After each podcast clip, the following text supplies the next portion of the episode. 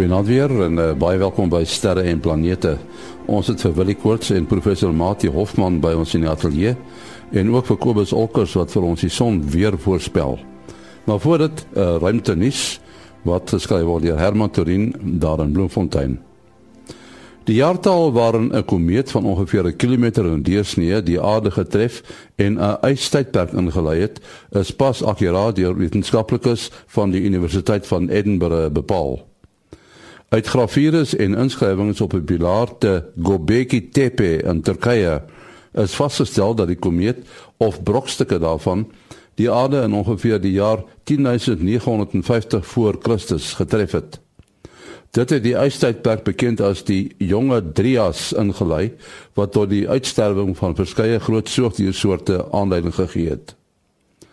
Die datum is bepaal deur die sterreafbeeldings op die pilaar deur rekenaarmodelle te voer en die tyd terug te werk tot die uitbeeldings presies ooreengestem het met waar die sterre hulle destyds sou bevind het. Die navorsing stem ooreen met ander onlangse navorsing toe wetenskaplikes van die Universiteit van South Carolina in die VSA 'n sogenaamde platinum anomalie by argeologiese uitgrawings dwars oor die VSA bestudeer het. Hulle het bevind dat daar so wat 12800 jaar gelede platinum afsettings oor bykans die hele Noord-Amerika en waarskynlik die hele wêreld was. Platinum is skaars in die aardkors, maar kom volop in asteroïde en komete voor. Dit val saam met die aanbreek van die ystyd waar tydens die Clovis mense en diere soos die mastodon, die mammoet en die sabeltandtier uitgesterf het. Altesaam 33 spesies groot soogdiere het uitgesterf. Met die aanbreek van hierdie ystydperk het die temperatuur skerp afgeneem en die afkoeling het 1400 jaar geduur. Na byna 60 jaar wat die organisasie SETI na buiteruimtelike lewe soek, word 11 belowende syne nou weer opgevolg. Hoewel die syne as belowend beskryf word, word terselfdertyd verklaar dat hulle waarskynlik nie van buiteaardse lewe afkomstig is nie. Tot sover dan ruimte nuus. Nou is dit tyd vir Kobus Olkers daar in Amerika, dit is in Florida, om met ons te gesels oor die son se weer. Goeienaand en goeienaand luisteraars. Ja nee, die son het toe verlede week sy uh, aktiwiteit gehad soos wat ons gesê het van die van die groot koronagat af. Twee magnetiese areas, magnetiese uh, aktiewe areas uh, wat wat ons verlede week gesien het, het uitgebrei, maar hulle het nie meer kompleks geword nie. So een van ons, die ouetjie wat op hierdie stadium geo-effektief is, lyk pragtig. Is aanskoulike area as mens kyk daarna in die ekstraal en die ekstraal bande dan sien jy hierdie massiewe groot uh, lusse van van plasma wat so uh, beweeg op die son. As jy maar enigiemand tog by die SDO webwerf van NASA wil gaan kyk, dan kan hulle dit gerus doen. Dis sdo.gsfc.nasa.gov sdo.gsfc.nasa.gov en dan met 'n vorentoe streep en dan met data data. Nou ja, alhoewel dit als vreeslik aanskoulik lyk, uh, gaan hulle nie vir ons hierdie week veel in in die lyn van uh, aktiwiteit gee nie. En dit lyk ook nie vir my asof daar enigiets oor die rand van die son op pad is wat koronagate of uh, aktiewe areas aanbetref nie. So hierdie week kan ek maar net vir die luisteraars sê en vir die gebruikers van die kortgolwe en so uh, geniet maar net die die pragtige beelde. En uh, dit is ons storie vir hierdie week dan. Dankie Kobus Olgers. Ons span is uh, weer gereed. Dis uh, vir die kort daar van die SAAU en professor Mati Hofman wat uh, drie hoedens op het. Ja, hy is van die Universiteit van die Vrystaat, die Bodensterrewag en die Digitale Planetarium. Ons het nou in die nuus verneem van uh, die skone dame wat 'n hele klompie keer in die internasionale ruimtestasie deurgebring het en nog steeds daar is. Sy het trouens ook met Donald Trump gepraat so 'n paar dae gelede. Is nou al 'n hele paar keer wil hy dat dat vrouens deel is van die span daarbo, nê? Nee.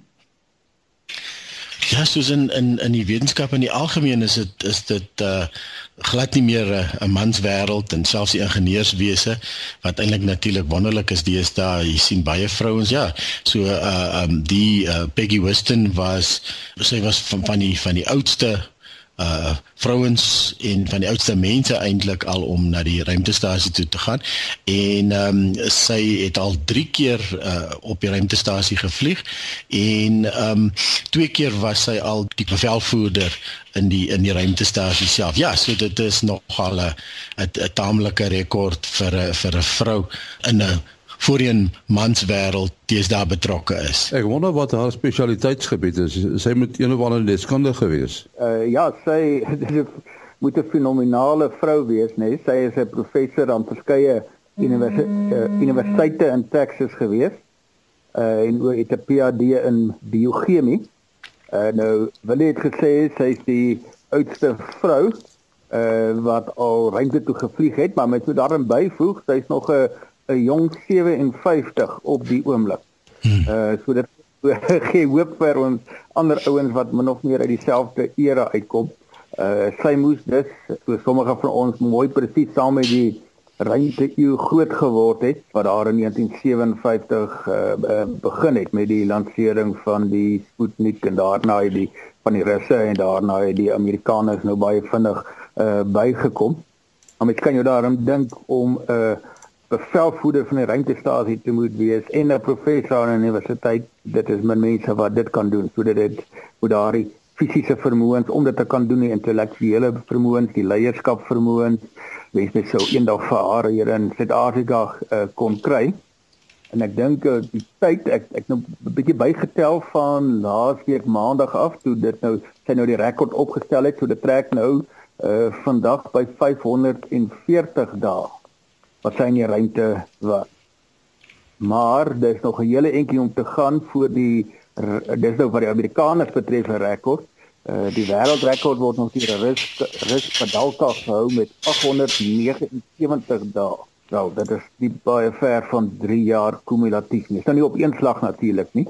Uh dit is nou kumulatief en uh, vir Peggy dink ek dit is al haar derde besoek al aan die ruimtestasie.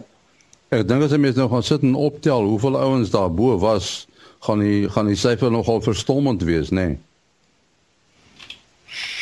Uh ja, ek het nou die so mooi staapgrafiek hier voor my van die ses Amerikaners wat die langste daar was.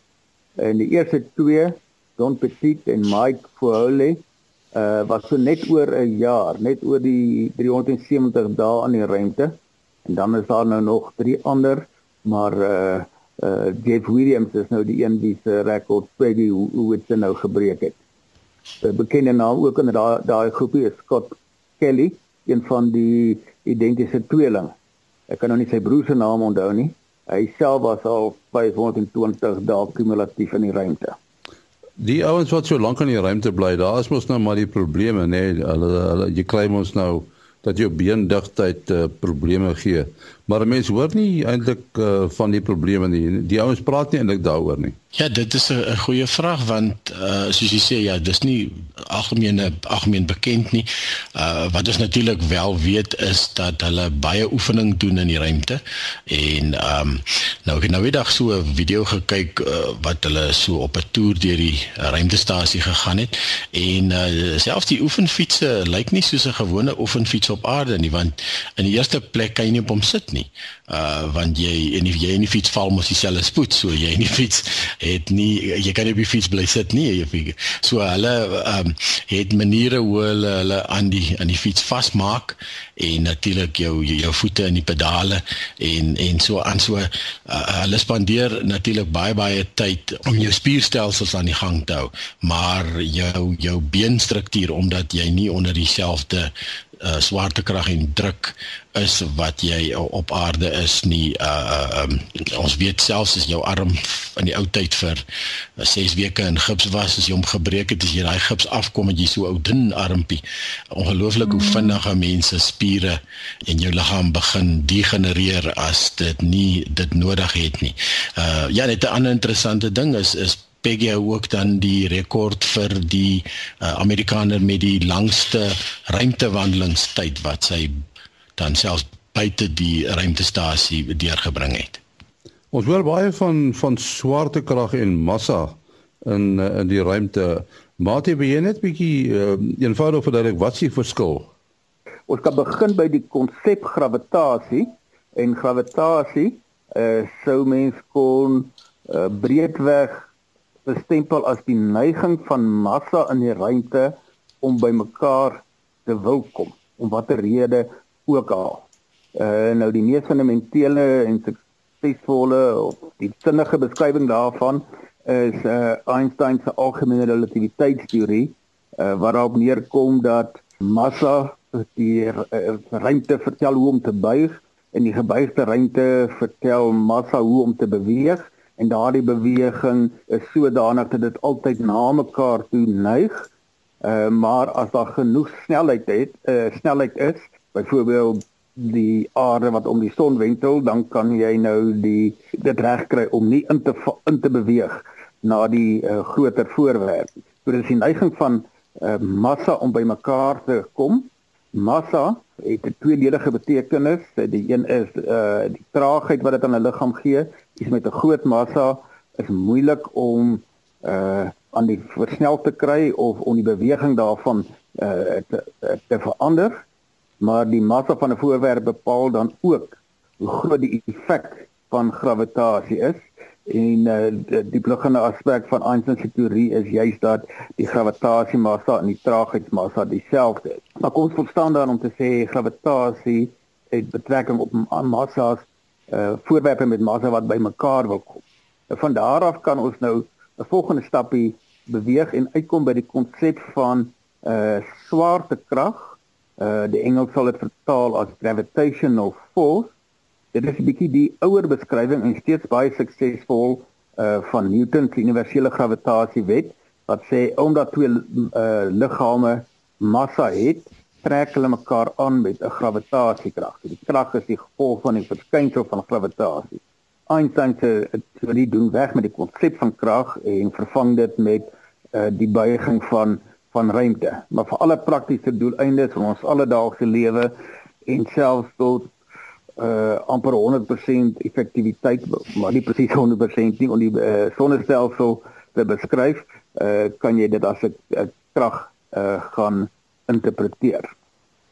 Ja, ek het ook op 'n interessante ding afgekom wat dit nou half uh, soms so opsom dat uh so so swaartekrag so, uh, verwys dan nou so maar jy gesê het na die krag tussen twee massas en in in die algemeen en dan en dan gravitasie uh, is meer te doen met die met die uh, krag van 'n liggaam op, op die aarde en dit word natuurlik beïnvloed ook deur die aarde se rotasie soos maar maar die gesê soos weer ander kragte wat inwerk sodat die twee nie presies dieselfde is nie. Wat 'n mens nou ook sou kon by sê as jy 'n voorwerp het uh, met massa in 'n gravitasieveld dan gaan daardie gravitasionele effek van die gravitasie en die massa is om aan daai liggaam 'n gewig te gee ten opsigte van die voorwerp wie se omgewing uh, die voorwerp is. So op die aarde kan jy 'n voorwerp met massa vat en dan het jy gewig, jy kan op 'n skaal gaan sit en jy kan die gewig gaan meet. Die gewig is 'n krag. Uh, die massa is nie 'n krag nie. Die gewig is die gevolg van die uh, van die massa. En daardie uh, krag van die gewig werk na die middelpunt van die aarde wat jy daar dieselfde voorwerp nou ver wegvat van die aarde in 'n ruimtetuig, dan gaan hy nie meer daardie gravitasiekrag ondervind nie. Hy gaan nie meer 'n gewig hê nie, maar hy gaan steeds dieselfde massa hê en dit sou jy kon toets by wyse van 'n eksperiment waarin jy kyk hoeveel versnelling uh, ondergaan hy vir 'n bepaalde grootte krag. As jy net nou dink aan 'n uh, ruimtekapsule wat uh, tussen twee planete beweeg, watter twee van daai kragte werk nou eintlik saam want hy hy beweeg teen 'n sekere spoed nê nee. jy die beginsel hulle noem hy beginsel van superposisie vir gravitasie as daar 'n een voorwerp met massa is en hy is binne eh, die invloedsfeer van 'n klomp ander voorwerpe met massa dan gaan die gravitasiekrag en dan het ek nou weer in die Newton se teorie en nie in Einstein se teorie nie wat die gravitasiekrag op hom gaan bloot die som van die kragte wees gravitasiekragte wees wat hy as gevolg van al die ander voorwerpe ondervind. En as jy nou daardie som van die kragte bymekaar tel, uh dan is dit nou nie 'n eenvoudige som van getalle nie want jy moet die rigting ook in ag neem. Kom ons neem nou maar 'n 'n voorwerp tussen die aarde en die en die uh, son. As dit nou net mooi op die regte afstand is, kan jy kry dat die krag, die grootte van die krag wat die son op daai voorwerp uitoefen en die grootte van die krag wat die aarde op daai voorwerp uitoefen presies dieselfde is, maar teenoorgestelde in rigting want die voorwerp is nou mos uh, tussen die son en die en die aarde. En dan gaan hulle mekaar presies balanseer. So die som van twee ewe groot kragte wat in teenoorgestelde rigtings is, is 0 en hy gaan dan effektief gewigloos uh, by daardie punt uh, verkeer ten minste vir die kort tyd hier uh, en afhangende van die snelheid waarmee hy beweeg het toe hy daardie punt bereik het. Ja, daar daar's ook die die vraag uh, as 'n mens nou 'n planeet soos Mars neem wat nou uh, eintlik uh, baie minder gravitasie het as, as die aarde. En Japie het daaroor gepraat, die helikoptertjie wat hulle uh, beplan om saam met die volgende Marskarretjie te stuur. Die moet baie groot rotors hê om enigstens te kan beweeg daar, né? Ja, dit sal nou die uh, gesamentlike effek wees van die atmosfeer uh, wat 100 keer dunner as die aarde is, so ek dink dit speel 'n groot rol. Nou gelukkig moet jou opwaartse krag as gevolg van jou jou propellers, sê noem as die skroewe van die uh, tuig uh hoef nie so groot sterk te wees as op die aarde nie omdat Mars se gravitasie weens sy aansienlik kleiner uh massa uh dan baie swakker is. Ek dink nou aan daardie film van John Carter wat op Mars was wat so lekker hoog kon spring. Nou, ek dink die die film het dit 'n bietjie oordryf, maar dit was in elk geval uh, uh, baie prettig om te aanskou hoe hy uh, so 100 meter op 'n slag kon uh, kon spring. Ja, ek weet Mars se se grootte is min of meer die helfte van die aarde.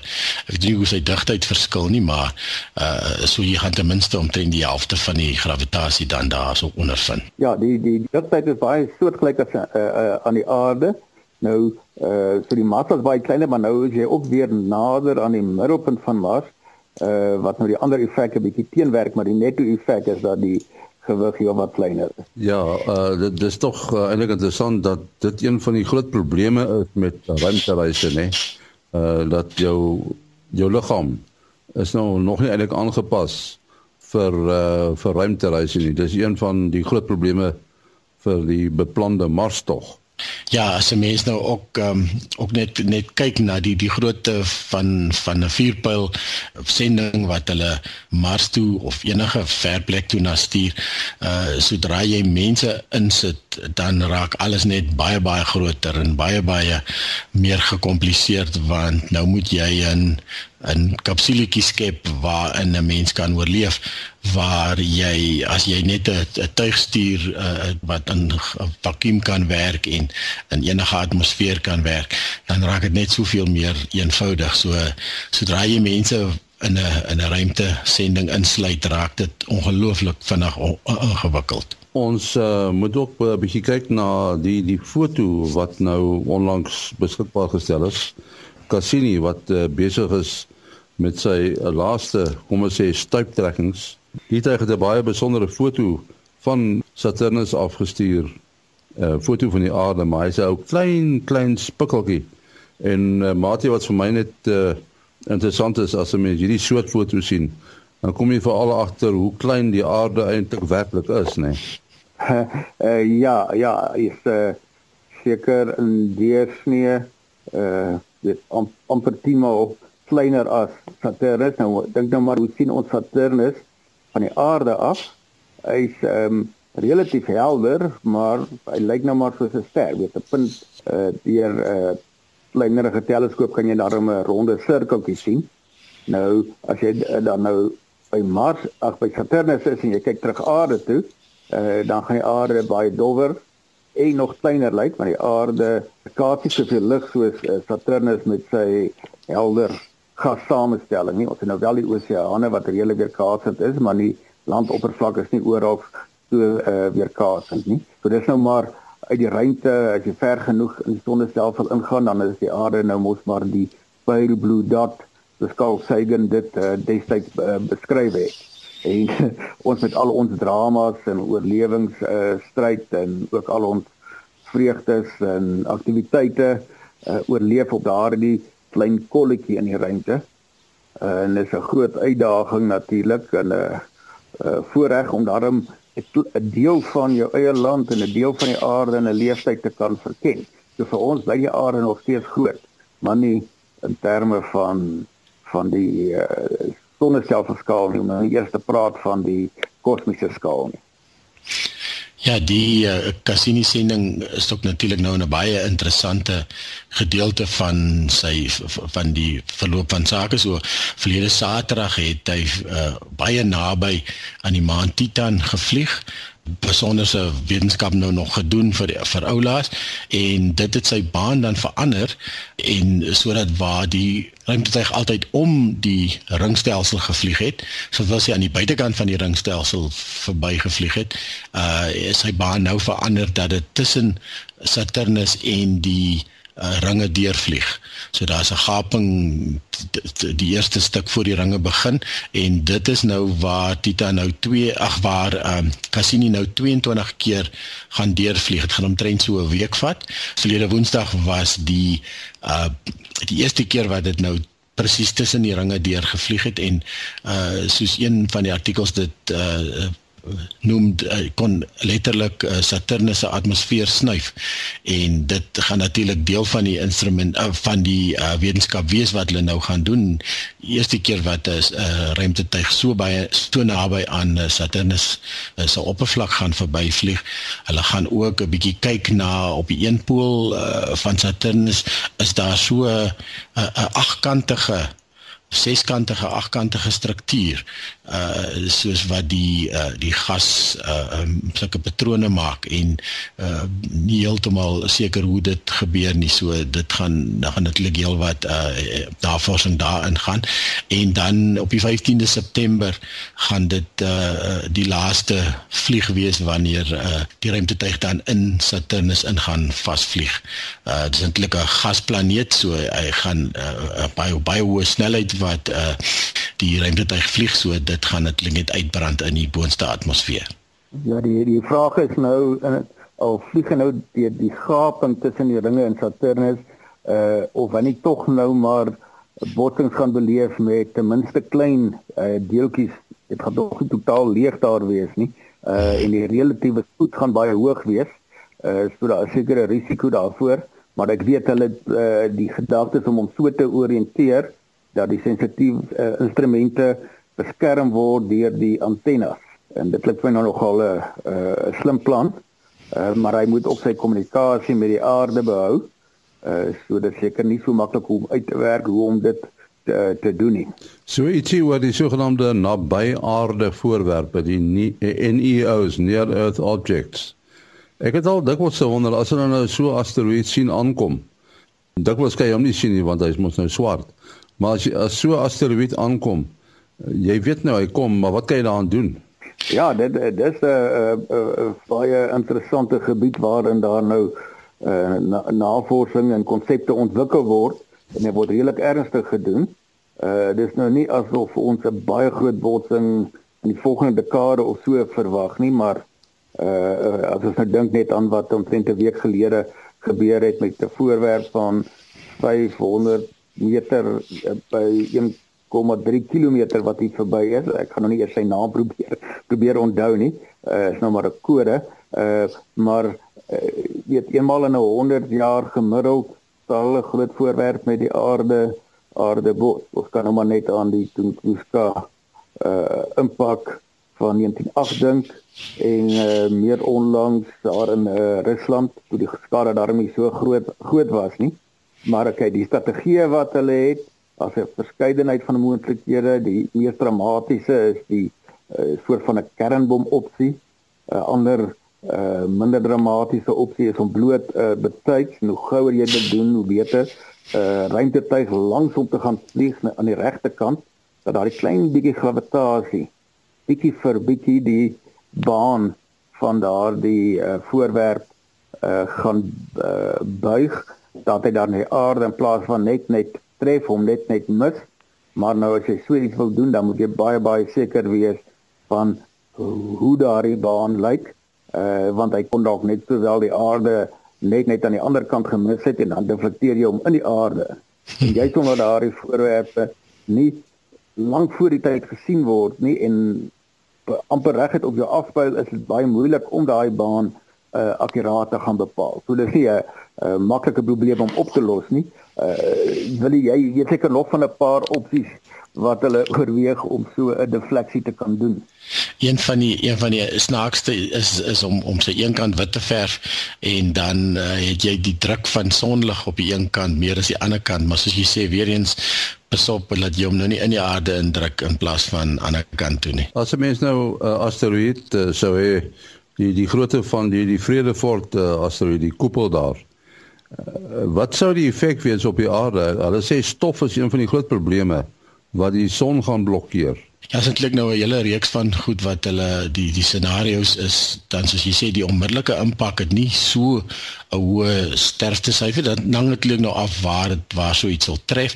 Uh wel die Vredefort koepel is 300 km in deursnee, so dis 'n groot stuk van die aarde wat uh ek meen dit is van Potchefstroom Parys is in die middel. Vredefort is in die middel. Parys lê so uh, in die noorde kant bed binnekant die krater. Uh en dan gaan jy nou nog dieselfde hoeveelheid aan die ander kant toe tussen sê Potchefstroom en uh en Vredefort na die ander kant toe. Uh so dit is 'n massiewe stuk so jy jy jy gaan redelike hoeveelheid uh um drama veroorsaak waar die uh, waar die ding tref. Um maar dan kry jy soos jy sê die langtermyn goeters. Ons kan net dink aan aan uh hier was dit hier in die 90s wat uh, Mount Pinatuba kan uh, afgegaan het en uh hoe enorme hoeveelhede uh baie baie fyn stof en rook in die boonste atmosfeer inges, ingeskiet het. En wêreldwyd het jy hierdie um dramatiese sonsondergange gehad vir seker maklike jaar wat die sonsondergange vreeslik rooi en geel was. So uh, met so 'n uh, impak sal jy natuurlik kry dat die uh, uh, uh geweldige hoeveelheid stof in die atmosfeer opgeskop word ehm um, wat reg om die planeet versprei baie vinnig en uh, dan die sonlig begin te begin te uitskakel wat natuurlik jou plante groei sal affekteer en laat vrek en jou plantvreters en natuurlik daarna volg die vleisvreters soos wat die plantvreters almal daarmee heen is. So dit dit dit dit 'n langtermyn effek ook. So uh, ek het al baie maal gesê as ek nou so ding weet van so dinge sal ek nou baie graag wil uh, weet waar gaan hy tref en dan sal ek nou 'n um, lekker hopelik gou-gou 'n YouTube movie kan oplaai voordat uh, voordat uh, alles daarmee heen is en dan ek dan ek nou nie hierdie lang uh, lei tydperk agterna nie. Ek kan ook dink aan 'n baie minder dramatiese gebeurtenis so 'n paar jaar terug met die vulkaan in IJsland, die ontwrigting wat dit veroorsaak het vir die lugvaart en hoeveel tienduisende mense wat gestrand want die vliegtye wou nie vlieg nie. Hmm. En nou in die geval van 'n groot impak gaan die stof uh in die lug baie baie erger wees. So ek dink dis die moeite werd dat die mense weet internasionaal saamwerk om so iets uh so goed as moontlik te kan voorkom. So dit is nie net iets wat ons as 'n opsie moet beskou nie, dit moet regtig ernstig opgeneem word. Goed, uh ons moet groet. Maatie jou telefoonnommer? Telefoonnommer 083 625 7154. 083 625 7154. En dan wil jy is 0724579208 0724579208 en dan my e-posadres is maas.henny@gmail.com maas.henny@gmail.com ons is volgende week terug dan is uh, Japie van Sail weer saam met ons